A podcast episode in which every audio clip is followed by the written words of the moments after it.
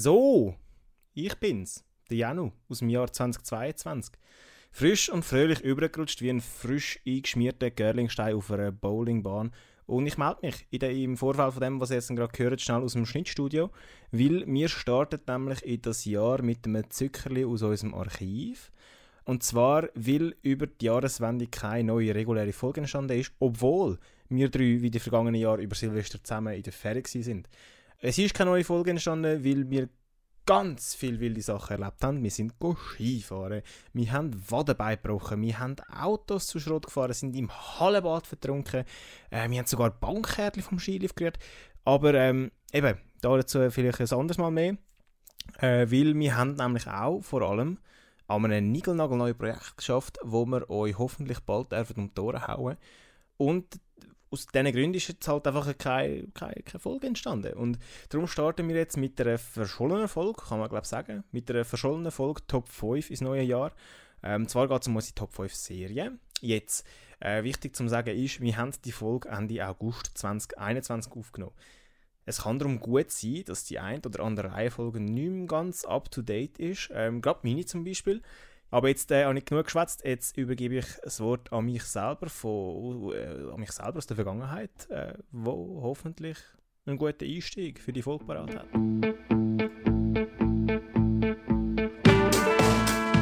Leute fragen sich, was ist ein guter Einstieg? Ich muss ehrlich sagen, ich habe keinen parat für die neue Folge von Top 5. Ähm, von Top 5. Wir haben äh, heute Herrlich. speziell für euch, nur für euch, haben wir Top 5 Serien. Äh, Nick, Micha, was ist für euch eine Serie? Ja, mm, das ist ein schwieriger Begriff. Ich finde, man kann, man kann es ganz, ganz weit ausdehnen. Nein, es, es ist logisch, es ist... Ähm, ähm, es sind mehrere Episoden, die zusammen eine Staffel geben und das macht eine Serie. Genau, ich Ich meine, man fasse... muss das gar nicht groß definieren. Zum Beispiel Harry Potter ist keine Serie, das ist eine Filmreihe. Ja. Ähm, How I Met Your Mother ist eine Serie. Genau, also Sitcoms zählen für mich auch noch als Serie. Ja, Ja. Okay. Ähm, wenn wir, ich würde sagen, bevor wir sagen, äh, welche Filme es bei uns knapp nicht in die Liste geschafft haben, aber trotzdem sehr empfehlenswert sind, Mhm. welche Serien meine ich Die wir natürlich, beieinander gegenseitig Vermutungen anstellen, weil wir haben im Vorfeld ähm, gegenseitig gesagt, da ist bei dir sicher und so. Wir haben das Gefühl, wir können uns gegenseitig recht gut einschätzen. Mhm. Ähm, wer Ja. hat wollen eine erste Vermutung Der aufstellen? Nick hat gesagt, er weiß 100% alle Filme, die in Jans in Ja. Liste drin sind. Also, ich, ich versuche es mal. He. ich, Was muss der mein, ich Jan, muss mein Maul verstecken, Ja. dass, dass die Reaktion nicht so... was der Jan sicher drin hat, ist Peaky Blinders, ganz klar. Oh ja, ja, den habe ich vergessen. Was der Jan sicher drin hat, ist Derek, ganz klar. Ja, habe ich auch drin. Was der Jan ganz sicher drin Also hat, Bean. ist Prince of Bel Air. Hm, Ähm, bin nicht sicher. Jetzt fängt es an, jetzt finde ich es langsam schwierig. Ich hätte gesagt, Sherlock könnte drin sein. Ja. Ich hätte gesagt, Haus des Geldes, aber das glaube ich mittlerweile nicht mehr. Und äh, Community glaube ich auch nicht mehr so ganz, aber könnte auch sein. ja. Und Le Pen hast du wahrscheinlich nicht mehr drin, obwohl du es eigentlich cool findest, weil ich es so scheiße finde, hast du wahrscheinlich gedacht, ah, nimm gescheiter eine andere. das glaube ich. Willst Hm. du nachher bei mir raten, Jan, und ich rate schnell den Nick, was er dick Oh, ich habe doch nicht eine Liste gemacht, dass du alles drin hast. Ich könnte höchstens bei zwei, ich hätte sicher zwei, die du sicher drin hast. Ja, sag mal. Und zwar Stromberg und Breaking Bad. Und sonst wüsste ich gar nicht groß. Ja, ich würde jetzt noch sagen, Black Mirror ist sicher drin. Das könnte, ja, stimmt, das könnte auch Und sein. Last hast du auch noch. Also, ich glaube, was der Nick sicher drin hat, Ich wenn will er, gar nicht gross weiterraten, weil das schon mir noch viel verraten. wenn, wenn er daran gedacht hat, hat er sicher Afterlife drin. Er reagiert nicht, also er hat es drin. Ja, was soll ich machen? Rick and Morty hat er drin, sage ich. How I Met Your Mother Ja, hat er drin. Hat Und, drin. und auch Stromberg hat er drin. Und vielleicht, wenn es noch gelangt hat bei euch, ist vielleicht noch Haus des Geldes drin. Ich könnte jetzt so fies sein und beim Nick sagen, was drin ist. Ich habe dich in der Ferien gefragt, ob du es drin hast. Eine, ja, weißt du. bei mir. Aber soll ich die, ich nehme sie nicht vorweg. Also. Ja, dann Honorable Mentions. Hm? Was Ja, hat es nicht Honorable? Mentions. Ich fange es gerade an. Mhm. Ähm, bei mir nicht die geschafft. Hat es äh, The Fresh Prince of Bel-Air. Ah, shit. Hat es nicht geschafft. Dann La Casa de Papel. Nicht. Prison Break hat's hat's bei nicht die noch Mm, nein, Family Guy hat es auch nicht geschafft. Mhm. Game of Thrones hat es auch nicht je geschafft. Dann, was haben wir noch? Wir haben noch Lupin, ist auch nicht drin. Ja, Aber es ist nicht wegen dir drin, sondern weil die anderen fünf besser sind. ja. ja, Derek findest du einfach besser. Und Peaky einfach auch, weil Lupin auch. den zweiten Teil, den ersten Teil kaputt gemacht hat. Oh, Äh, Altered der Carbon. erste Teil hat sich doch selber schon kaputt gemacht. So eine scheiß Ah, bei Serie. mir. Gut, Naja, äh, heb ja. Schnurren. Entschuldigung. Altered Carbon ist auch noch nicht ganz reingekommen und Formula One, wie schon vorher kurz angetönt, äh, Dokumentation über die Formel 1 Rennen Mhm. und äh, Tschernobyl hat es bei mir auch nicht je geschafft. Mhm. Ja, Tschernobyl hat es bei mir auch nicht reingeschafft. Ja. Ähm, was bei mir auch nicht reingeschafft hat, ist Tiger King, die Dokumentation. Stimmt, die habe ich gar nicht gedacht. ähm, Mandalorian hat es nicht geschafft bei mir. Afterlife knapp auch nicht. Äh, Breaking Bad hat es nicht geschafft. True Detective hat es nicht geschafft. Big Bang Theory, Mandalorian und Stranger Things. Dann bin ich aber gut unterwegs. Oh, Mandalorian habe ich zweimal aufgezählt. Dann ist äh, das Zeug, was wir gesagt haben, sicher drin. Ja. Die haben es auf jeden Fall. Things ist bei mir auch nicht Das sind auf jeden. Fall alles geile Serien, die es bei mir leider aber knapp nicht reingeschafft haben. Mhm. Ja, ähm, bei mir hat es auch einiges nicht reingeschafft. Und zwar, weil ich. Ich habe mir überlegt, ich will eigentlich eine Serie nehmen, die ich von Anfang bis Ende gut finde. Wenn jetzt irgendwie, keine Ahnung, es hat sieben Staffeln und ich finde die ersten drei geil und nachher wird es scheiße, dann nehme ich, sie, nehme ich sie nicht. Und ich habe mir auch gedacht, das ist mir nicht ganz gelungen, aber ähm, dass ich nicht nur 0815 Serien will, nicht. zum Beispiel Met Your Mother nicht drin, obwohl ich sie von Anfang bis Ende geil finde. Ähm, auch nicht drin ist zum Beispiel Sherlock, Prison Break, weil Prison Break eben, die ersten zwei Staffeln sind geil, nachher wird es ein Scheiß. Ich habe das anders gehandhabt. Also ich habe auch Serien da, wo ich nicht alle Staffeln geil finde. Ja, ja das ist jetzt eben der Unterschied. Eben, bei mir, die Top 5 ist nicht unbedingt wirklich die geilste Serie, die ich gesehen habe, sondern so ein bisschen, einfach ein Zückerli, wo ich den Leuten mit auf den Weg gebe, Ja, das ist Das war nicht das Ziel. Gewesen. Mal. Das ist nicht die Idee eigentlich von dieser, dieser Rubrik. Ja gut, ich kann äh, How Met Your Mother schon reinnehmen, aber kennt einfach jeder. Ja, eben. Ja, also, eben, äh, Community habe ich auch nicht reingenommen, weil die ersten zwei Staffeln geil sind, der Rest nicht mehr so. Und Haus des Geldes habe ich auch nicht reingenommen. Genau. Gut, Janu, hä? Platz 5. Ich habe vorher schon angefangen. Ich, bin, ich, ich, ich wollte mich Oh. anfangen. Soll ich anfangen? Da tut er sich, er sich weigern, der junge Mann. Ich meine, ich kann auch anfangen. Das ist ja gar kein Problem für mich. Ähm, bei mir auf Platz 15 ist Prison Break. Oh. Aha. Ich finde die ersten zwei Staffeln richtig geil. Und alles, was danach kommt, also die dritte und vierte Staffel, finde ich nicht mehr so gut. Und die fünfte, die würde ich da gar nicht erwähnen. Die ist Ja, so ein. Schrott. Es geht darum, es gibt so einen Architekt, den Michael Schofield. Und zwar äh, Kannst du nochmal nochmal sagen? Schofield. Wie sagt man Ich Schofield? weiß es auch nicht, das heisst irgendwie so. Mein, Schofield. mein Michael für, Schofield. du la lachst mich da für meine schlechte englische Aussprache aus und sagst Netflix. Das heisst ja Netflix. Das ist Netflix. Ja, Netflix. Netflix. Oh, ich sage Netflix. Der Nick tut einfach gerne. language. Ihr könnt einfach gerne äh, dort englische Sprache anwenden, wo es für euch gerade Sinn macht, aber sind nicht konsequent. Hast du nicht wieder Gefängnisbruch sagen anstatt Prison Break? Findet ihr Tenet immer noch so einen guten Film? Oder sagen ihr mittlerweile auch Tenet? Mir ist nicht geheißen. Ich habe Janet auf Netflix gelegt. Ja, Tenet, cooler Film. Anyhow, Ja, wir anyhow. wollen jetzt äh, weitermachen. Wie gesagt, Prison Break ist bei mir auf Platz 5. Es geht um den, den Michael Schofield. Oder wie der Nick würde sagen, den Michael Schofield. ähm, Schofield. ähm, wo ein Architekt ist und, und dem sein Bruder wird zum Tod verurteilt für ein Verbrechen, das er gar nicht begangen hat. Er sitzt im Gefängnis und äh, da der Michael äh, Architekt ist, hat er irgendwie da, ist er an Plan vom Gefängnis angekommen, lässt sich die auf den Rücken tätowieren und versucht da spektakulär aus dem Gefängnis zusammen mit seinem Bruder auszubrechen. Also, er er tut sich nicht den Plan drauf, sondern es ist dann auch wieder eine Art verschlüsselt. Ein versteckter Plan. Ja, ja, klar. Sein das ganzer Körper ist quasi auch, nicht nur mit Plan, sondern auch mit Sachen, die er sonst kann brauchen kann. Irgendwie ist doch ein Schlüssel oder so, mal irgendetwas ist auch noch... Er Ja, irgendeine so Form, er, und so Zeug, irgendeine. Form, die er mal braucht für Ja, ja. Aber jedenfalls Das mag sein. hin zur Lüftung des Todes. Ja. Genau, ich würde jetzt gar nicht mehr spoilern, was, ob es irgendwie schon geklappt hat, Ende von der ersten Staffel und sie dann im zweiten draußen sind oder nicht. Auf jeden Fall, es geht immer ein bisschen um, ums Gefängnis und um die Flucht und so. Und die ersten beiden Staffeln finde ich wirklich super. Die Mhm. zweite finde ich fast noch geiler als die erste. Ich muss sagen, ich habe die erste Staffel gesehen und die zweite angefangen, aber es hat für mich dann den gleichen Charme irgendwie nicht mehr gehabt. Ähm, es war nicht mehr ganz das gleiche, gewesen, halt wegen dem Setting, weil das Mhm. Setting anders ist. Auch wenn das jetzt... Egal. Ein Spoiler ist okay. Du hast ja auch schon gespoilert vorher.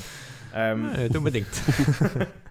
Egal. Es hat, die erste Staffel hat für mich mehr Charme gehabt und weil ich dann von der zweiten etwas anderes erwartet habe, als dann gekommen ist, habe ich sie nicht weitergeschaut als bis zur dritten Episode. Ich finde auch die zweite mega geil, weil sie so ein bisschen halt die Wirkung auf die Ursache von der ersten, also die, die erste, irgendwie die zweite muss ja fast kommen nach der ersten Staffel. Mhm. Und man hätte jetzt auch so können sagen, ja, man zählt jetzt nicht, wie es weitergeht. Aber irgendwie finde ich es auch noch gut, dass man so ein bisschen den weiteren Weg noch zeigt, damit es irgendwie ein bisschen realistischer bleibt. Mhm. Weil ich finde sie mega realistisch irgendwie. Klar, Gefängnisausbruch kann man Mhm. nicht sagen, realistisch oder nicht, aber äh, haben auch schon ein paar Leute gemacht. Und in der dritten Staffel, äh, das ist für mich einfach eine plumpe Wiederholung von Ja. der ersten, ehrlich Ja. gesagt. Und die vierte, die hat dann gar nichts mehr mit der Serie zu tun. Nein, da kommt mir das kalte Kotzen wieder. Ne? Im fünften ist so. Ja. Ja. Ähm, Nick, äh, machen wir, nein, jetzt machen wir beim Jan weiter. Okay. Jetzt mal Können wir auch äh, machen, ja. Gegen den Ähm, ich nehme jetzt zwar ähm, ähm, Nick seine Lieblingsserie schon vorweg, aber ich habe ähm, Afterlife mir auf Platz 5. ähm, es geht in dieser Serie geht's um den Ricky Gervais, also ist der Schauspieler, beziehungsweise der, der Schreiber, der Produzent. Ähm, er spielt einen Lokaljournalist und seine Frau ist an Krebs verstorben. Und es zeigt ihn so ein bisschen, wie er mit dem umgeht. Und er hat eigentlich aus, sein, aus seiner Lebenslust, die er verloren hat, will er sich das Leben nehmen. Ähm, aber wird eher so ein bisschen zu einem, zu einem, zu einem wie sagt man dem, so ein bisschen impulsiven, so so ein ein, Zyniker. so ein Mhm. rauchen Zeitgenoss, Zynik, äh, Zyniker, so, äh, Sarkasmus ist auch ein grosses Thema. Also er ist so ja, gegenüber anderen Zynik, Leuten zynisch ist zynisch. Alles eher, ein bisschen bedeutungslos. Also, so. ja, genau. Zynismus ist ja äh, böser Sarkasmus eigentlich. Mhm. Mhm. Und weil er quasi, ich glaube, er sagt das einmal, er will sich irgendwie an der Welt rächen und macht jetzt nur das, was er gerade Lust drauf hat, weil es kommt Mhm. eh nicht drauf an. Es ist, wir sterben alle mal und es kommt so nicht drauf an, was wir machen und so. Ähm, aber seine Mitmenschen probieren ihn so ein bisschen halt aufzupäppeln, also so ein ihn zu einem besseren Menschen zu machen und er weigert sich da halt dagegen. Und die Serie überzeugt halt mega, also mich hat sie mega überzeugt durch, durch, äh, durch so eine Ernsthaftigkeit, aber auch wieder durch so den sarkastischen, zynischen Humor, wo halt so ein, so ein Ricky Gervais hat. So der britische Humor, wo halt auch noch seinen Platz hat. Und dann haben wir es wieder mit, der, mit dieser Balance zwischen Humor und, und Ernsthaftigkeit, die ich mega äh, cool finde. Und halt auch die, äh, die, die, die krasse Direktheit, die die Serie auch hat. Ja, gesehen, also. Äh, der Nick wird noch nicht so viel dazu sagen, weil sie beim weiter oben ist. Äh, ja, ich finde es auch eine super Serie. Ich finde, äh, es ist auch so spannende philosophische Fragen drin. Mhm. Irgendwie so, ja, ich will eh nicht mehr leben, also kann ich jetzt auch Heroin noch nehmen, also das mal ausprobieren. So äh, spannende Gedanken, die der Film da aufgreift. Serie. Äh, die Serie, klar. Ja, voll. Es ist eine sehr emotionale Serie. Mhm. Grandios. Jo. Ja, vielleicht kommt sie ja nochmal. Also Nick, was ist denn deine Nummer 5? Platz 5. New Amsterdam. Oh. Ah. Kennen wir nicht, hm? Ja, da haben wir es jetzt eben. Ähm, Die findest du eigentlich gar nicht so geil, aber wir kennen sie nicht, darum hast du sie nicht genommen. ich muss, ich muss da gegen meine eigenen Regeln verstoßen, die ich am Anfang aufgestellt habe. Ich habe nämlich die Serie noch gar nicht fertig geschaut. Ah. Ähm, bin noch mit drin, also nein, nicht mit drin, aber gegen Ende. Und ich finde es eine mega geile Serie. Also es geht äh, um ein Spital, also eine typische Spitalserie, aber habe ich eigentlich nicht so gern, aber die finde ich mega gut. Und es geht um den ärztlichen Direktor, den Max Goodwin. Und der übernimmt das Spital irgendwie. Ist so, so ein guter Mensch, der nachher so alles will umstrukturieren Und er entlässt so korrupte Ärzte und so und macht, will irgendwie schon von Tag 1 alles besser machen und so. Und die Serie spielt am Anfang habe ich mir also gedacht, oh, das ist jetzt aber so ein geht jetzt so in die Richtung von, der macht jetzt alles super, alles ist lässig, alles über die Hui und so. Aber er stößt dann natürlich halt durch das auch immer wieder so ein bisschen an seine Grenzen, weil er halt einfach mal sagt, oh, das ist scheiße, ähm, tun wir es ändern. Und so, und vielleicht wäre es gar nicht nötig gewesen, das zu ändern, oder vielleicht äh, braucht es einfach mehr Zeit oder irgendetwas anderes und nachher gibt es so ein bisschen Konsequenzen und so. Und ich finde, sie, sie lädt im Mittelteil ein bisschen nach, äh, aber vor allem am Anfang finde ich sie mega geil, weil sie so, ja, sie sind auch mega coole Figuren. Es geht um, glaube fünf äh, Ärzte. Also so einer ist ein Psychologe oder Psychiater. Äh, der hat dann nochmal so andere Geschichten, die er erlebt. Äh, halt irgendwie mit so psychisch kranken Kindern und, und Jugendlichen und Erwachsenen und so. Also mit allen. und dann ja, gibt es noch einen Herzchirurg, es gibt äh, eine Leiterin von der Notfallstation und es gibt äh, die Chefärztin von, von der Krebsstation. Und der Max Goodwin, also der, der ärztliche Direktor, der, hat selber auch Krebs. Und es geht dann so ein bisschen darum, dass er äh, noch irgendwie äh, um die Chemotherapie herum. Äh, er, er, will, also er will eigentlich allen Patienten immer das Beste und sich selber nicht. Und tut sich selber immer zurückstecken und geht dann nicht an die Behandlungen und so Zeug. Äh, und will immer, dass es allen anderen besser geht und ihm geht es immer schlechter. So, so in dem Stil. Erinnert mich gerade mega an Dr. House. Eine gesehen. Habe ich auch nicht gesehen. Ja, ich auch nicht. aber, aber die Beschreibung, äh, die äh, trifft zu. Aber ja, finde ich sehr eine herzige und zum Teil sehr emotionale Serie. Man muss aber sagen, die Folgen sind immer ähnlich aufgebaut und es gibt so einen Moment, wo es wirklich, ich weiß nicht, was dort passiert ist, jetzt sind eine Folge nach der anderen genau gleich. Sind alle genau gleich aufgebaut und nachher denkst du, ja, jetzt ist es langsam wieder gut. Und nachher kommen plötzlich wieder super geile Folgen und so. Schaust du auf Netflix oder wo Ja. schaust Netflix. du? Netflix. Okay, und ich gebe den Ball gerade wieder rüber zum Mikey. Mikey Boy. Mikey Ähm, jetzt Boy. muss ich gerade schnell schauen auf meine Liste. Uh. Wir geben ihm die Zeit. Äh, Janu, mm, machst du morgen etwas Schönes? Also, bei mir auf Platz 4, ähm, der Nick hat es auch schon erraten, gehabt, ist Black Mirror. Mirror. Mirror. Black Wie, wie spricht man Mirror. das aus richtig, Nick? Mirror. Black Mirror. Okay. Mirror. Das, das ist eine Serie, ähm, da steht jede Folge für sich. Also die, die sind nicht wirklich zusammenhängend. Ähm, die einzige Gemeinsamkeit ist, dass alles so Science-Fiction-mäßig ist. Also es ist, äh, die Serie spielt eigentlich jede Folge in der Zukunft.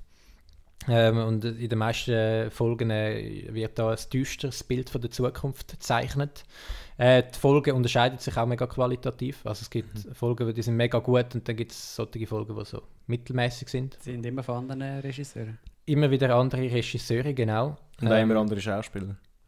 Richtig, immer wieder andere Schauspieler auch und eben andere Figuren. Und nichts baut aufeinander auf. Also wenn in der Folge Genau. A mal das rum ist, dann ist es in der Folge B nicht auch. Ja. Hm. Und eben, es greift so ein bisschen halt, äh, die Zukunft auf, also die Technik und so und die Gefahren werden mega gut aufgezeichnet.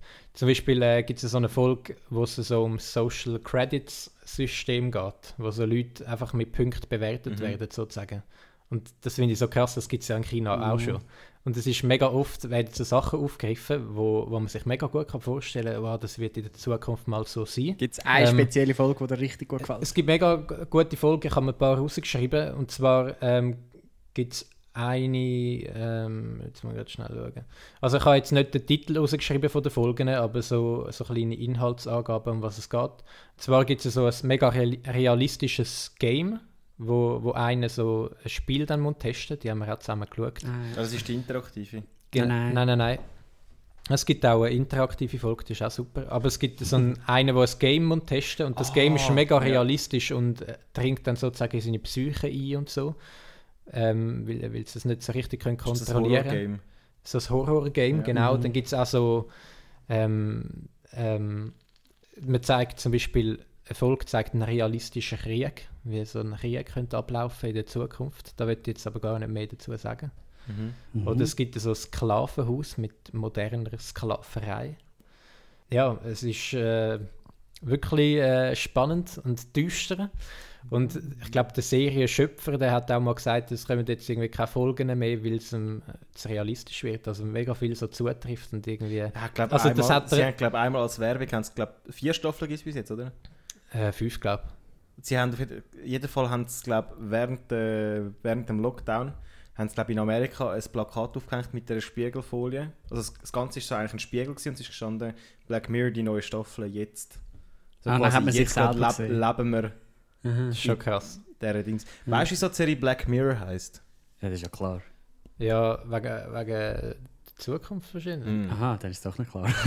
ja, wegen ist dem Handy und so. Wegen dem, weil alle unsere Aha. digitalen Geräte sind quasi einfach, wenn sie abgestellt sind, Ein schwarzer schwarzer Spiegel. sind Spiegel. schwarze Spiegel. Ah, ich dachte, das ist voll klar. Ja, ich habe auch gemeint, sehr klar. Hey, ich habe jetzt nur irgendwie fünf Folgen oder so gesehen, aber sehe ich das richtig? Ist bei allen Folgen so, eigentlich ist immer unsere Realität, nur etwas Kleines ist anders, wo dann halt Auswirkungen hat. Das ist halt, was Digitalisierung mit, unserem, mit der Menschheit kann machen und wie es können sie dazu kommen. Ja, teilweise leben sie schon ein bisschen in einer anderen Welt. Aha. Ja. Also es gibt auch so einen, wo sie irgendwie auf einem anderen Planet sind, glaube ich, eine Folge.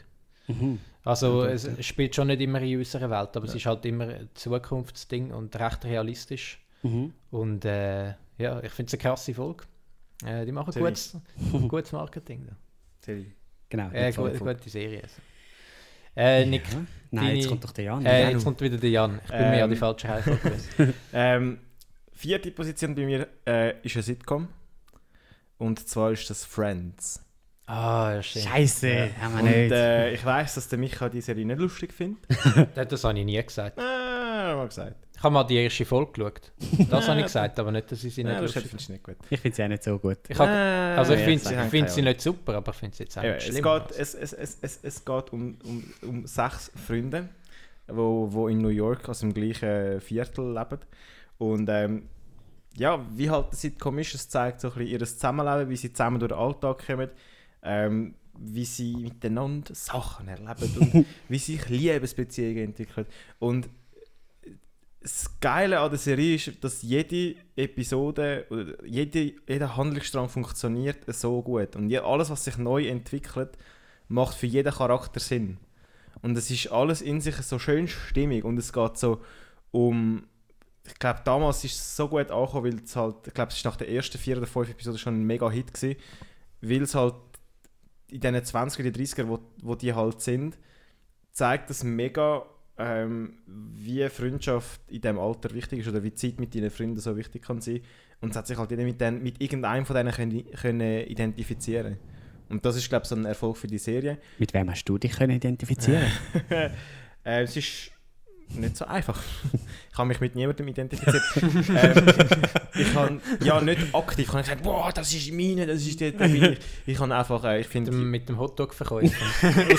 Aus, der- zweiten Staffel. Dritte Folge, vierte Minute. ja, ich habe einfach, äh, es, ist, es ist lustig. Ich, ich habe es jetzt schon zweimal durchgeschaut. Ähm, und Dialoge und Szenen sind immer wieder aufs Neue lustig, auch wenn du weißt, was passiert. Ich finde, das ist mega wiederholend irgendwie. Also ich habe die, die erste halbe Staffel etwa geschaut und dann also dachte jetzt habe ich es langsam gesehen. Also es Ja, sind aber schon... das ist doch immer bei so Sitcoms ein bisschen so. Ja. Ja. Also ich Ich meine. How I Met Your Mother ist genau das Gleiche, was die Wiederholung anbelangt. Mm, will ich auch nicht sagen. Er will jetzt einfach seine Sitcom ein bisschen aufschaukeln, merkst du es? ja. Er will jetzt deine schlecht machen. ja gut. Ich finde auch Two and a Half Men. Ja gut, bis dort, wo der Charlie geht, ist eigentlich nicht so wiederholt.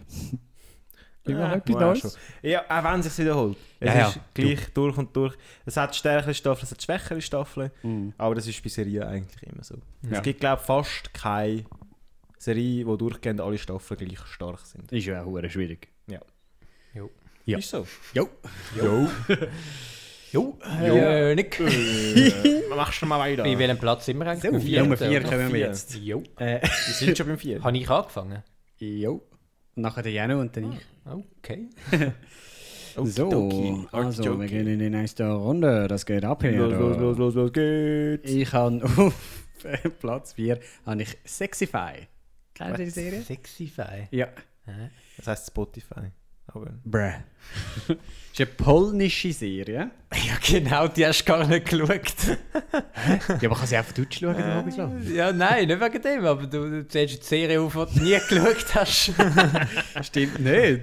Du hast dir einfach irgendwelche, äh, nachher kommt noch eine Skanda skandinavische Serie. Also es tut mir leid, dass also ich, viel gute skandinavische dass ich da nicht die grössten 0815-Serien aufzähle, die jeder kennt. Nein, aus, aus sondern hinter Kathmandu. gute, gute Herzstücke.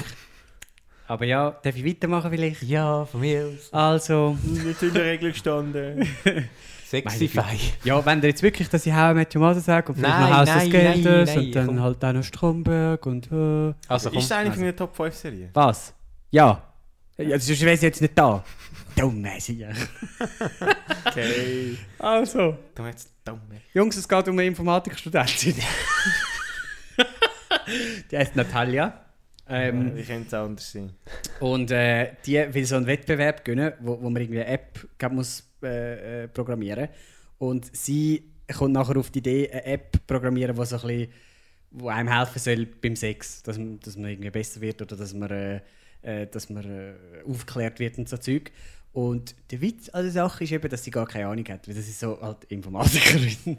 Nein, aber so, so ein bisschen, so ein bisschen brüht halt und sie hat irgendwie noch nie irgendetwas mit irgendeinem, äh, irgendeinem Mann gehabt oder so und hat keine Ahnung ähm, und ist auch mega verklemmt und so.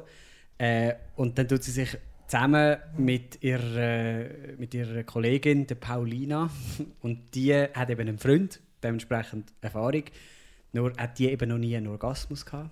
Das weiß sie aber nicht, die, die Natalia, oder?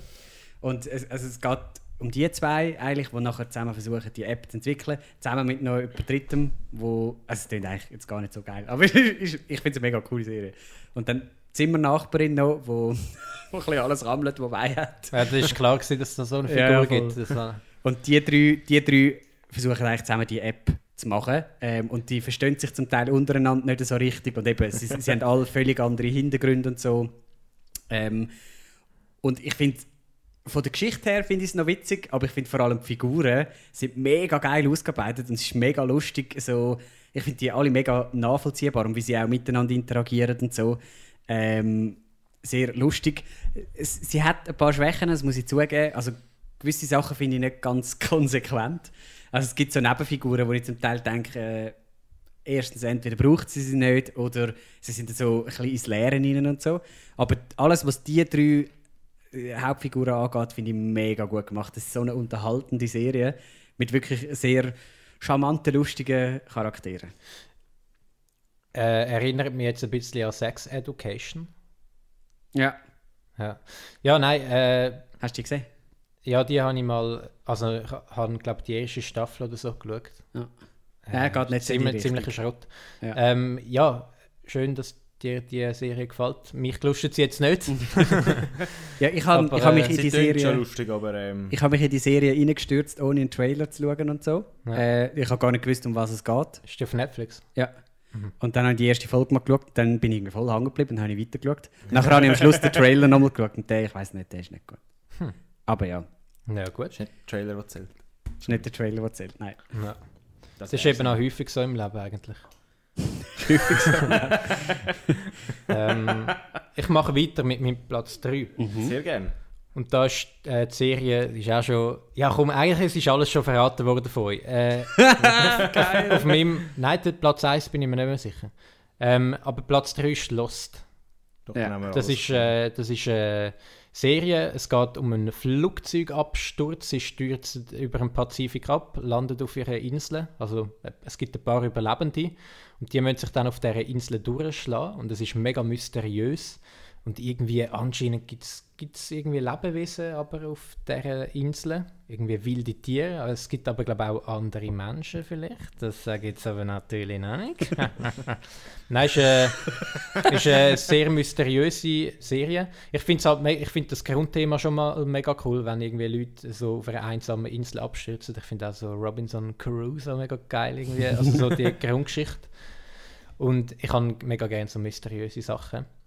Ähm, ich finde allerdings nur die ersten vier oder drei Staffeln geil, weil nachher geht es so ein bisschen Fantasy-mäßige. Da löscht es mir dann ein bisschen ab. Mhm. Aber ich habe es nicht einmal aufgehört zu schauen, weil, weil irgendwie die ersten Staffeln so geil sind, dass ich sogar nachher noch Fantasy weitergeschaut habe, was etwas heißen mag. Du bist ja eigentlich überhaupt nicht Fan von Fantasy. Nein. Und das wird ja anscheinend mit der Zeit, habe ich mal gehört. Mhm. Und du bist gleich dran geblieben. Mhm. Das habe ich jetzt gerade gesagt. Ja, ja, schon, aber, aber also, okay. Ja, eben. Also weil, du hast da Charaktere über Geschichte gestellt. Nein, ich finde die Geschichte so spannend, dass ich sie trotzdem, obwohl es schon Fantasy-mäßig geworden ist, trotzdem nachher wollen wissen, wie es weitergeht. Aber Geschichte ist ja auch Fantasy. Mich hat es trotz der spannenden Geschichte Wunder genommen, wie es weitergeht. Und es hat mich nicht einmal, also Gut. nicht einmal die Fantasy hat mich Logisch. daran gehindert, sozusagen. Achso, okay. Ähm, ja, wie soll ich sagen, die Auflösung dann am Schluss ist ziemlich grottig. Es ist jetzt nicht so. Also gut, sie wird mega gehatet, das Ende. Ich Mhm. finde jetzt, das Ende ist okay, aber ähm, für mich haben sie eben die Serienmacher schon, schon verkackt ab dem Zeitpunkt, wo es dann Fantasy wurde. Ist. Aber ich kann sie trotzdem weiterempfehlen, die ersten vier Staffeln zumindest. Ist ja angelehnt an Herr der Fliegen. Lord of Lost? Lord. Ist das so? Mhm. ah, was? Das ist ja genau das gleiche Prinzip, das die Schulklasse oder einfach die Jugendlichen mit dem Flugzeug auf der Insel ab. Also offiziell. Also ist Herr der Fliegen schon so alt? Ja. Der ist doch scheialt. Mhm. Den haben wir auch mal gesehen in der Schule. den Film. Also nicht der Film, das Buch. Mhm. Am Buch ist es wahrscheinlich angelehnt. Ah. Ja. Sehr wahrscheinlich, ob es wirklich dort angelehnt ist, äh, weiß ich nicht, aber ich habe gemeint schon. Achso. Gefährliches Halbwissen. Ja, irgendetwas muss ich ja beitragen. Sehr schön. Ja, dann willst du gerade weitermachen mit Ja. deiner Nummer Wir sind drei. gespannt. Nummer 3 ähm, ist House of Cards. Mhm. Ähm, ich weiß gar nicht, ob da. Ähm, Ich habe so viele gute Serien genannt bei dir. ist noch keine gekommen. House of Gut, Cards. ähm, das ist eine Meinung. die ist jetzt auch noch nicht überraschend gut zu kommen. Weil Ähm, du nichts kennst einfach. es geht ähm, um den Abgeordneten Frank Underwood, der von Kevin Spacey gespielt wird. Ähm, und er soll anfangs erste Staffel zum neuen Außenminister werden. Allerdings wird ein neuer Präsident gewählt und der ernennt einen anderen als Außenminister. Und der Frank Underwood ist dann hässig und will sich rächen und plant quasi seinen Weg an höhere politische Ämter, um sich halt an den Leuten zu rächen, die ihn hintergangen haben. Und auf dem Weg zu, zu diesen höheren politischen Ämtern geht er über Leichen und er nutzt Journalisten aus und nimmt keine Rücksicht auf niemanden. Und ich finde das, die, ich finde es so krass, die Brutalheit, wo, wo an den Tag gelegt wird. Skrupellosigkeit. Ja, genau. Das war Wort. gewesen. Und es ist so spannend, halt bis zu der letzten Staffel, die ich nicht geschaut habe, weil er ab dort rausgekickt wurde, ist wegen seinem MeToo-Skandal. Also dann hast du dich geweigert, um die letzte Staffel zu schauen. Ja, also sie haben ja auch nur irgendwie die Hälfte von, von der Episode, sie haben nur irgendwie sechs oder sieben Episoden gemacht und das kann ich hör mir auf. und was ich wirklich gut finde, was jemand anderes, wo, wo die Serie eigentlich auch gut findet, aber genau das hasst, finde ich wieder geil, so, dass der Frank Underwood die vierte Wand durchbricht. So mit dem Zuschauer eigentlich direkt redet. So, mitten während er in einer Sitzung ist, dreht er sich zu der Kamera und redet mit dem Zuschauer. Das ist jetzt wieder typisch der und das ist wieder, mit dem habe ich mal das und das und wenn ich dem das anbiete, kann ich das erreichen und so. Und auch dort ist er wieder so, ja, der typisch der Charakter so rechthaberisch und so überlegen und es ist so Aber ist das nicht, gut gespielt. ist das eigentlich nicht mega so, zeigt das nicht ein bisschen die Einfallslosigkeit von der Regisseure, weil, weil sie einfach Gedanken von ihm irgendwie wollen zeigen und, und sie keine bessere Möglichkeit gefunden haben und darum Ja, wie willst du es sonst mal? Also, es ist einfach ein, ein Stil. Also ich weiß Ich nicht, finde es ja, ein mega gutes Stilmittel. ich Also finde mega es gut eingesetzt. einfallslos. Also es ist so, es ist, Also es sie haben es ja gut bei Deadpool, umgesetzt Bei. Deadpool gibt es ja auch, bei Deadpool ist es mega scheiße umgesetzt. Mhm. Und äh, bei House of Cards finde ich es wieder gut eingesetzt, weil es genau in dem Moment ist, wo, wo du merkst, halt, wenn er mit, mit dem Zuschauer anfängt zu reden, Mhm. manchmal schaut er einfach nur in die Kamera und rollt die Augen. So, Mhm. das lange schon, um die vierte Wand Ja. zu brechen. Ich finde das mega gut eingesetzt. Ich schaue sie vielleicht auch noch. Es klingt schon noch ich spannend. habe sie eben auch vor, zum nochmal schauen. Äh, die erste Staffel habe ich auch gesehen. Die habe ich auch recht geil gefunden. Aber so Ja. ein bisschen... Die Ähm, zweite Staffel nicht. ich, habe ich nicht geschaut. Ei, Ich, ich, wie, ich habe so, ich habe die Lust irgendwann verloren, aber ich finde es schon auch noch gut gemacht. Das sind mega geile Charaktere oder so. Und es ist so, so die düster halt. Und es zieht sich so durch. Es ist nicht düster und dann mal wieder happy, sondern es ist Mhm. wirklich konstant. Aber ich meine, das ist so ein Arschloch.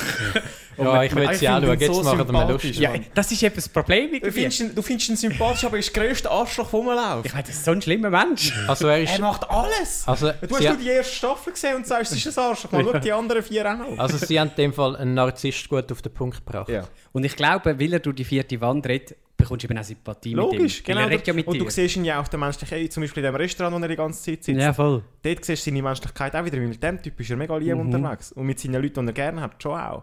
Aber das ist dann wahrscheinlich auch so gespielt. Du, Nein, überhaupt nicht. Narzissten können mega gut spielen. Ich glaube nicht. Also, was dann die Rolle wieder in sich im Film selber spielt, ich glaube, so gegenüber dem, was das Restaurant hat, nicht. Aber musst du selber schauen. Auf jeden Fall, Chicken Wings essen. du hast doch noch angesprochen, dass er, dass er eben abgesetzt wurde, weil er so einen MeToo-Skandal Also der äh, Schauspieler. hat. Der äh, Kevin Spacey, Ja, ja. logischer Schauspieler. der Schauspieler. Der, hat, der, der bringt immer einmal im Jahr, ich glaube zu der Weihnachtszeit, so ein Insta-Video raus, wo er irgendwie so zwei Minuten schnurrt. Ich frage, Bringt sie Ah, die- irgendwie kennst kennst ich du die gar nicht? eins. Ich kenne nicht jedes. weil was ich mich gefragt habe, ist, re redet er die in der Rolle von, von dem Frank Underwood? Also das eine, was ich gesehen habe, ja. ja. Das ist noch spannend. Ja, ich muss die Serie auch mal schauen. Das ist, Nein, die könnte dir schon noch gefallen. weil äh, Politik interessiert und dann auch Mhm. so. Hm. Jetzt habe ich wieder etwas, äh, jetzt habe ich wieder etwas hinzufügen, aber ich habe vergessen. Und es ist auch so, es an. geht nicht alles mega schnell, sondern immer so Schritt für Schritt kämpft er sich langsam auf und so. Ist schon noch... weißt du, wie weit das kommt? Ja, ah, ja, jetzt ja. weiss ich es wieder. Ähm, es gibt ja das neue Netflix-Intro, das, also das neue, einfach das Tudong, ja. wird ja gesagt, er tut ja mit seinem Ring immer so, mit seinem, der Ring, den er von seinem Vater bekommen hat, der Familienring, mit dem schlägt er auf, auf den Tisch an, Ja, wenn er das geht oder so. erzählt. Ist ja ein bisschen weit hergeholt, nicht? Nein, es ist effektiv. Schon. Also ich weiß nicht, ob es wirklich das ist, aber es ist sehr wahrscheinlich, dass das das Geräusch ist. Also von dem Klopfen her kommt wahrscheinlich der Netflix-Sound. Hm. Das Tudong. Glaube ich erst, wenn ich es gesehen habe. Also dann schau weiter. Nick, deine Platz 3. Platz 3 und ja, das ist jetzt einer, den wir herausgefunden haben. Äh, Rick and Morty. Ja. äh, eine Animationsserie. Und ähm, ich, find, ich bin selber überrascht, dass ich die so gut finde, weil äh, es geht, also es ist eigentlich sehr Sci-Fi und recht unlogisch alles. Also es geht um so einen, um so einen Opa, der, der, der Rick, der, so ein Wissenschaftler Pickle Rick. und ein Erfinder äh, und der hat so ein bisschen, äh, der kann eigentlich alles bauen, wo er gerade Lust hat und kann so durch ja, ich sage mal, durch Raum und Zeit äh, sich durch, durchreisen und in andere Dimensionen und so gehen.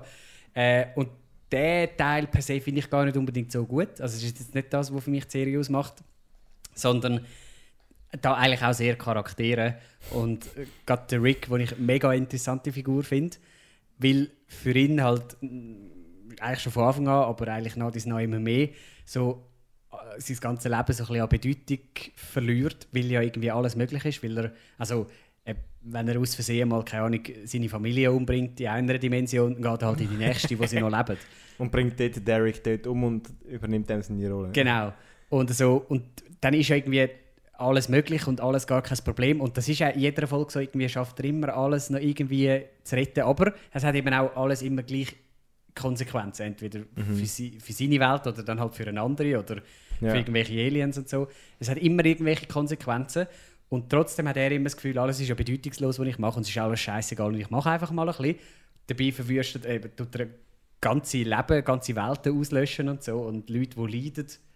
Äh, und irgendwie hat ihn niemand so richtig gern, logischerweise wegen dem. Aber es kennen ihr alle. Das ist kennen dann alle, genau.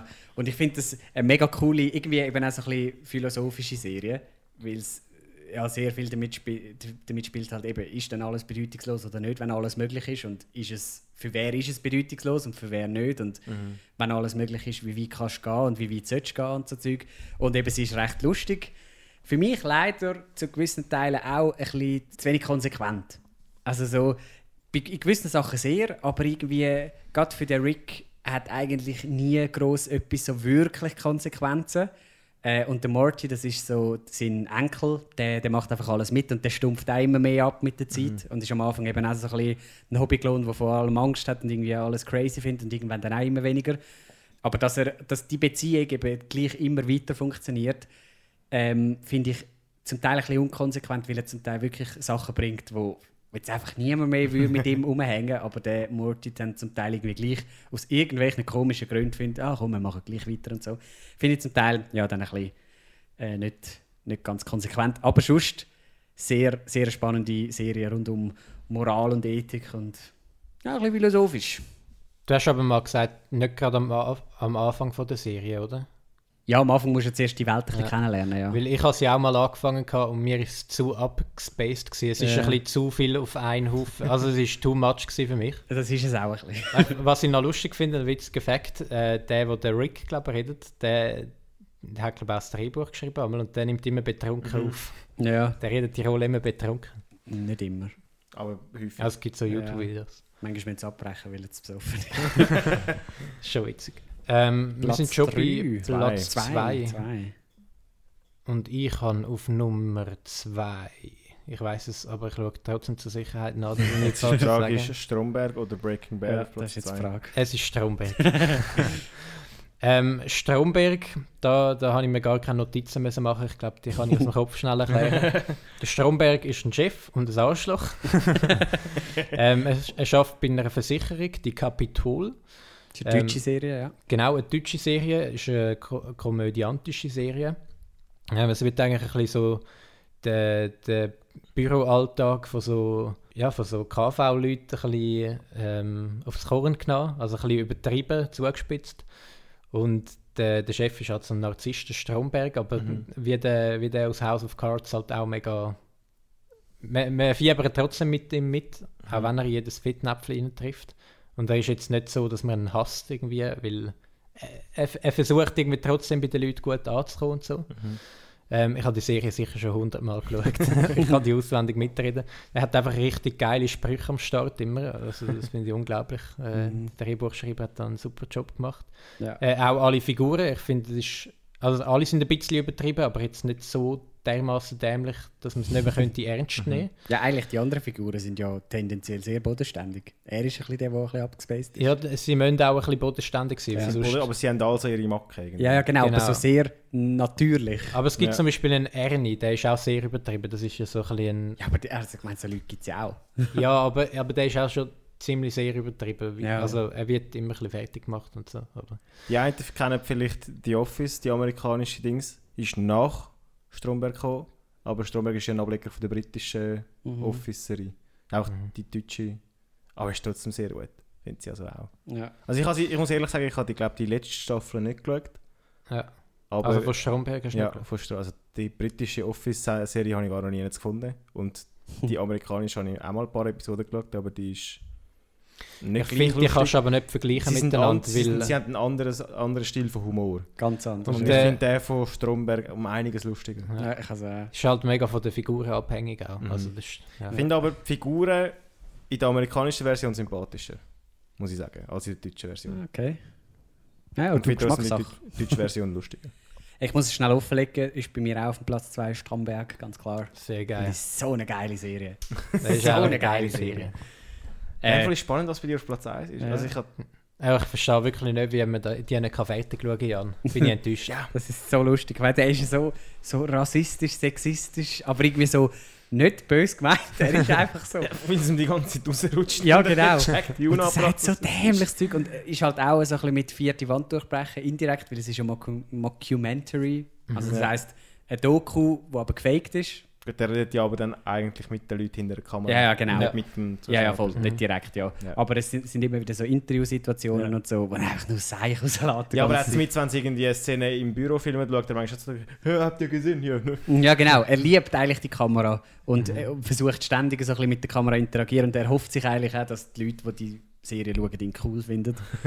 äh, und äh, ja, holt sich immer Bestätigung bei der Kamera. Und so. Es ist so lustig gemacht. Mhm. Eine grosse Empfehlung. Ähm, jetzt musst du nur noch du deine Nummer Mhm. 2 sagen. Ich bin jetzt verwirrt, weil ich habe zwei Serien, die ich gemeint habe, sagen bei dir aber da ist Mhm. einfach nur noch Platz für Ich habe einen. gemeint, du hast zwei Serien auf dem 2. nein, nein, so weit gehen wir da nicht. Ähm, die hat niemand von euch herausgefunden, obwohl, sie, obwohl ich sie eigentlich schon mehrmals in den Himmel gelobt habe. Marvel's Daredevil. Irgend so ein Ah, Superhelden-Scheiß hat er mich gefunden. Und Mhm. äh, finde ich, find ich, find ich fa fast ein bisschen äh, gemein. Ah, ah, Daredevil, okay. Das ist mit dem Ding. Ähm, Matt Murdock. Es ist, ähm, er ist als Kind bei einem Unfall erblindet und ist dann Anwalt geworden und hat zusammen mit seinem Kollegen eine kleine Kanzlei und kämpft so ein bisschen gegen die Ungerechtigkeit ähm, in Hell's Kitchen, in dem Teil von New York. habe es verwechselt mit Punisher. Ah, ja, die ist aber auch sehr gut. Und der Punisher spielt ja bei Daredevil auch, glaube ich, in der zweiten Staffel den Bösewicht. Und weil er merkt, dass er als Anwalt nicht so viel auswirken kann, fängt er an, mit Maske in der Nacht durch die Straße zu rennen, weil seine anderen Sinn, weil er halt erblind ist, sind die anderen Sinn von ihm so krass ausprägt. Und durch das schafft er es auch in der Nacht gegen die Ungerechtigkeit in, in dieser Stadt zu kämpfen. Und setzt mehrmals sein Leben aufs Spiel und kämpft hauptsächlich gegen den, den Wilson Fisk, wo dann später zum Kingpin wird, wo man aus ähm, Spider-Verse kennt. Also es ist nicht der gleiche, aber es ist der Charakter. Und Mhm. offiziell aus den Comics sind es auch in dem gleichen Universum, der Spider-Man und der Daredevil. Aber eine Nebensache. ähm, und der hat ganz große Pläne für die Stadt und will darum eigentlich, also der, der Matt Murdock, der Daredevil, will dort eigentlich verhindern, dass der seine Pläne kann umsetzen kann. Was eigentlich das Krasse ist, es hat, ähm, es ist eine brutal gute Action-Serie, also wirklich Action absolute Oberklasse. Sie ist spannend. Man muss zwar zwei, drei Episoden Geduld haben, bis es einem ein bisschen packt, aber es ist, die Geschichte an sich ist mega spannend. Und was absolut genialste ist, es hat pro Staffel mindestens eine Plansequenz, also vor allem in der zweiten Staffel, die etwa eine Viertelstunde lang ist, wo nicht Ah, geschnitten wird. Die haben wir schon mal gesagt. Es gibt, es gibt Ah, eine Schlägerei. Plansequenz, ja genau, es gibt eine Ja. Schlägerei, die etwa eine Viertelstunde lang ist und es wird kein einziges Mal geschnitten. Ich habe mehrmals beim Schauen zurückgespult, zum Schauen, hat es wirklich keinen gehabt, aber es hat einfach keinen, Sch- es hat vielleicht einen versteckten Schnitt irgendwo, wahrscheinlich, aber trotzdem. Mhm. Und es ist so gut gemacht, ich finde es eine absolut geniale Serie. Gehört aber nicht zum MCU. hm? Ähm, nein, es gehört zum. Netflix äh, Marvel-Universum Ja. und es gibt ja Gerüchte, dass das jetzt dann verknüpft wird. Der Punisher ist auch in diesem Universum drin und äh, Luke Cage gehört auch drin, Iron Fist und wie heißt sie? Jessica Jones, Ja. die Journalistin. eine Privatdetektivin ist sie. Und die sind dort zusammen in diesem kleinen Universum, aber es gibt ja Gerüchte darum, dass das jetzt dann verbunden wird mit dem Mhm. MCU. Also wenn Was das jetzt nicht sagt, was schwer MCU ist, sind all die Filme Nein, von Marvel, die im Kino all die sollte man sind. schnell einsperren. So äh, Iron Man und Captain America und Habt ihr, alles. habt ihr den neuen Spider-Man-Trailer gesehen? Oh Ja. ja. Also es gibt, glaube ich, keinen Film, den ich so gerne nicht schauen Äh. will. Der, der, der riesen Schrott. es gibt, glaube ich, keinen Film, den ich so gerne würde will schauen wie der. Das ist doch der erfolgreichste Trailer nach 24 Ah, Es ist Stunden. brutal, wie Also- das der der Decke ist, Mann. Das ist doch der Schauspieler von dem einen Film, wo man... wo Tom le- Holland. Tom Holland, ja. Ja, ja. Tom Holland finde ich einen richtigen scheiß Schauspieler. Was aber an dem Spider-Man neu ist, blöd gesagt, dass die Prämisse ist, dass alle wissen, dass er ein Spider-Man ist. Und das Ja, das habe ich gesehen. äh, fände ich eigentlich schon... Ich habe nicht erwartet, dass sie es so umsetzen. Ja. Und es kommt eine alte Figur wieder, aber das ist ja ein anderes Thema. ähm, Es ist nicht alt. Sie ist ja immer noch im gleichen Universum. Michael, hast keine Ahnung. ja, also ich komme wieder für. Ja, ist, anyhow. Keine Ahnung. Herrlich. Der, der Hallo Peter sagt. So, ähm, ja, wir, genau, wir kommen zu der Nummer 1. Nummer eins. ähm, Hast, kannst du Ja, ich habe ja, ich habe ja eben, äh, du Stromberg kannst ja habe mit ich dem ja. Eis weitermachen. Oder willst, willst du bis am Schluss warten mit dem Ja, mir ist? Scheissebach. Ich kann schon, kann schon weitermachen. Gut. was okay. hast du? Ja. Ähm, äh, ich, äh, du äh, hast ja das Gefühl, es sind noch zwei bei mir. Und Ich einer, den du meinst, ist Tschernobyl. Das ist nicht drin. Oder Tschernobyl. Afterli Afterlife ist bei dir. Oder, äh, Afterlife müsste schon noch Tschernobyl. drin sein. Ähm, Tschernobyl, genau, äh, habe ich jetzt nicht reingenommen, weil ich glaube, wir haben das falsch verstanden. Ich habe gemeint, du nimmst es. Ich dachte, nehme es nicht auch noch. Ah, ich habe gesagt, wenn es zu drin ist, nehme ich es nicht auch noch drin. Aha. Ja gut, haben wir es beide nicht, finden wir beide gute Serien, schauen ist- unbedingt. Ja, Chernobyl ist wirklich... Es ist eine Miniserie, nicht nur sechs Episoden. aber Gibt es es leider nur auf, wo gibt es sie? Sky. Sky. Ja. Oder Ah. auf halblegalen Oder, oder Weg. HBO. Also, so, Doch, es ist eine HBO-Serie. Solange es nicht Amazon Prime ist, der grösste Dreck. Aber in dem Fall ist es ähm, schon Ich kann erwähnt. mein Abo nicht mehr künden. Weißt du, wie ich das Abo kündige? Es gibt einen Abo-Beenden-Knopf, aber es bringt nichts. Seit einem halben Jahr habe ich dort ein Abo. naja, ähm, Ja, profitieren, gell? Schauen wir, schauen wir nachher mal schnell zusammen. mega Last One Laughing, weißt du, aber jetzt kommt dann die neue Staffel sowieso und dann kommt es auch nicht mehr drauf an. Gut, ähm, ich habe Afterlife, genau. Ähm, haben wir schon darüber geredet. gehabt. Äh, eben, das ist der mit dem Depressiven da. wo, wo, genau. Und ja, ich, ich, ich, ich will nicht mehr viel dazu sagen. Ich finde es einfach eine fanta- fantastische Serie. Ähm, selber ein bisschen einen persönlichen Bezug dazu. Darum finde ich sie glaub, noch besser, als einfach, wenn man sie schon schauen ähm, finde sie einfach noch gut. Äh, so nahbar und nicht so, nicht so halt, ist ja keine Ami-Serie, aber es ist halt nicht so Ami-haft, dass alles so hoch Ja, überdramatisiert, hochgestellt, sondern ich finde es sehr bodenständig, sehr nahbar, sehr authentisch. Ja, ein paar Tränen müssen verdrücken. Hat eigentlich der Ricky Ja, auch ich auch. Depressionen? er Ich glaube selber? nicht. Ja, er selber. Hat er nicht? Nein, ich gemeint. nicht. Ja, Weil, ist eine also- emotionale Serie. Äh, Und sehr also realistisch. beide Es ist gesagt, das ist eine sarkastische Darstellung von seiner selbst. Das könnte schon sein, Ja. dass, ähm, dass er auch hat, aber ich wüsste es Hat nicht. vielleicht leichte Züge oder so. Ja, unglaublich realistisch. Also wenn, wenn der keine Depression hat, dann weiß ich nicht, woher er die Information hat. Oder über, also ich weiß nicht, das ist einfach eine gute Serie. Ähm, aber eben, wir haben schon darüber geredet. gehabt. Staffel 3 übrigens in Produktion. Ja, Sind sie am Ich Drehen. freue mich richtig. Wer, äh, wem es nicht so gut geht, vielleicht besser nicht schauen, weil sie macht ein bisschen traurig. Aber äh, Ja. Wer emotional nicht, emotional nicht so stabil ist. genau. Ähm, Aber auch ich kann ab und zu müssen Tränen verdrücken. Ja. Sogar der Jan. Sogar Wo am ich. Fels in der Brand Sogar ist. ich. Starke Sogar ich. Also Mikey. Ähm, es ist nicht Breaking Bad. Ich habe ich hab schon gesagt, das ist in der Special Mention. Ist es Ähm, drin gewesen? Ja, dort habe ich es schon aufgezählt. Hey, Also. also jetzt bin ich enttäuscht von euch, dass ihr die nicht herausgefunden habt. Dexter? Ah, nö. Hä? Wie, wie da nicht können drauf kommen? Stimmt. Anyhow. ähm, der Dexter ist Ich so es gar ein, nicht gesehen, darum bin ich ist so ein Blutanalyst. Ähm, er geht so an den Tatort und tut dort anhand von der Blutspuren, die es dort gibt, herausfinden, wer der Täter ist. Und gleichzeitig führt er aber auch ein Doppelleben. Er ist nämlich auch gleichzeitig ein Serienmörder. Und er hat aber irgendeinen so einen Kodex. Ähm, das heißt, er bringt nur Böse um. Und äh, er tut dann mega oft den Täter nicht ausliefern, sondern äh, geht dann den selber umbringen. Und es ist mega spannend. Ähm, die erste Staffel und die vierte Staffel kann ich am meisten empfehlen. Die sind äh, mit Abstand die besten. Ähm, ich finde auch so cool, die Kulisse spielt so in Florida. Ähm, das finde ich, finde ich allein schon immer eine geile Kulisse. Am Anfang, ich glaube, wenn wenn man so anfängt zu schauen, für mich hat sie ein bisschen billig gewirkt. aber irgendwie, also so von der Produktion her, aber ich finde, ich, also ich bin mega schnell reingekommen. Ich kenne auch viele Leute, die irgendwie nicht gut rein- reingekommen sind und sie gar nicht so gut finden, was ein bisschen unverständlich ist für mich. Ähm, ja, ich gehe richtig mit. Es gibt viele Plot-Twists, wo man sich am Kopf langt und denkt, fuck, oh shit. Mhm. Ähm, und es sollte jetzt dann gab's sogar wieder eine neue Staffel rauskommen. Oh. Da freue ich mich richtig drauf. Ja, meine Nummer 1 ist Dexter. Nein, die ist auch cool, ja. Mhm. Ist auch mega cool, aber gesagt, zum Hinterfragen, was ist da jetzt ethisch noch vertretbar und was nicht mehr, eben weil, er, weil er irgendwie das Bedürfnis hat, Leute umzubringen. Da hat wenigstens der Kodex nur böse Leute. Nur ist er sich gar nicht immer 100% sicher, dass es jetzt der ist und so. Ist schon geil. Schon eine geile Serie. Auch eben als Polizist, wo, wo zuerst denen auf der Spur bist und nicht geht, dass sie einfach holen. Und der zelebriert das auch so und so. Und er wird halt auch immer, es ist immer ein, bisschen ein Wettlauf, weil er wird auch immer fast aufdeckt. Mhm. Ah. Das ist dann spannend. Und weil er ja selber bei der Spurensuche ist, weiß er genau, wie er seine Spuren muss verwischen muss, damit Mhm. sie nicht gefunden werden und so. Äh, schon eine coole Serie. Aber ich finde äh, auch eine, vielleicht zwei Staffeln zu lang, aber eine sehr geile Serie. So, jetzt haben wir nur noch den Jan mit Ja. seinem Peaky Blinders, erzähl uns ein bisschen etwas drüber. Soll ich wirklich etwas darüber erzählen? ähm, Aber es nicht ist- Derek. Mhm. Krass. Derek ist zwar ist auch eine Serie von Ricky Gervais. Ich habe sie, hätte sie eigentlich müssen in die Honorable Mentions drin. Ganz kurz vielleicht zu Derek, wieso Mhm. dass der Micha jetzt Derek anspricht. Ähm, es geht um einen, der, der Ricky Gervais spielt einen beeinträchtigten Mensch, der in einem Altersheim lebt. Oder, Also ist doch Derek jetzt? nein, nein. Ah, da hast du jetzt einfach einen Weg gefunden, um gleich beides zu Die können. werden es eigentlich noch nicht dazu. Nein, mal mach ruhig. Weil du gemeint hast, Derek habe ich nicht drin und dann entsetzt bist. Nein, es ist schon Peaky Ich bin Blinders verwundert. Eben, ich bin auch verwundert gewesen, ist Breaking Bad auf Platz 1. Ich hätte besser müssen zuhören. Also kommt Peaky Blinders, let's go.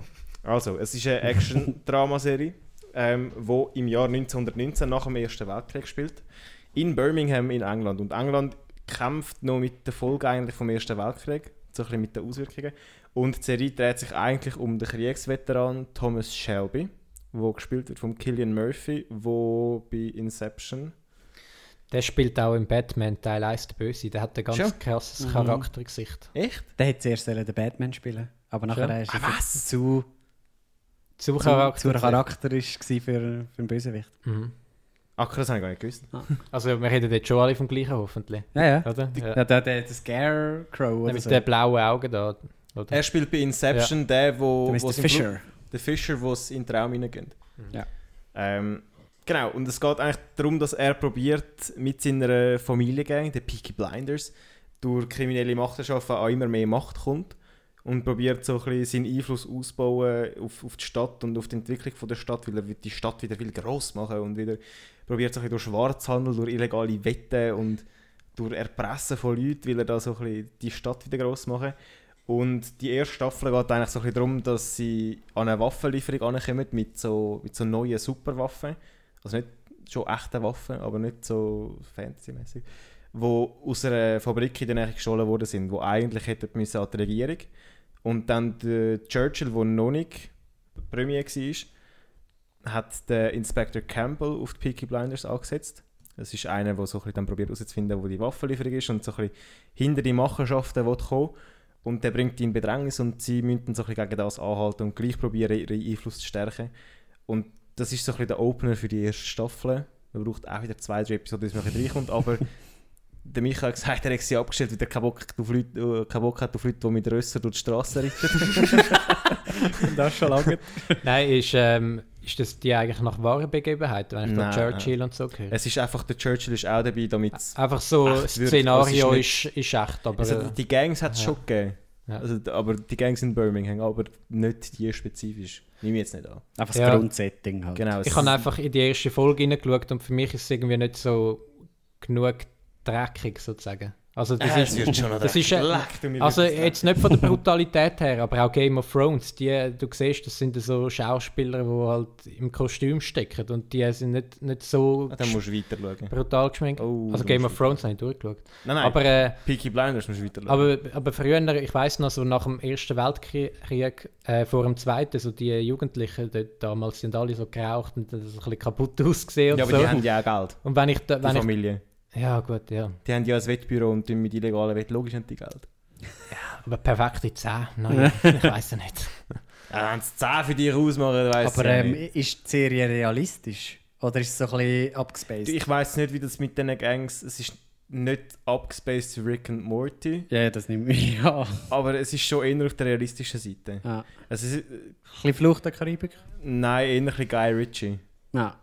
So ein bisschen die Sherlock Holmes Filme, so ein bisschen in dem Stil nicht ganz.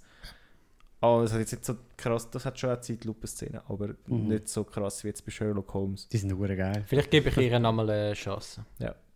Sicher zwei, drei Episoden und dann... Äh, Ab, ja. Dann kannst du uns mal, was sagen wir, vier Wochen kannst du uns erzählen. Sie findest Ja. Sehr geil. Genau was hast du noch gesagt, viel schauen? Äh, House of Cards Ah, schaue ich genau. glaube vorher. Ah, schreibst zu tun. So, ah. Ja, dann, äh, ja, dann äh, sch- schließen wir da die Folge. danke ich Außer euch für noch jemand etwas hinzufügen. Super. Und sonst äh, wünschen wir euch wie immer eine ganz schöne Woche. Wer hat jetzt am meisten gewusst eigentlich? Ja mal, wer weiß.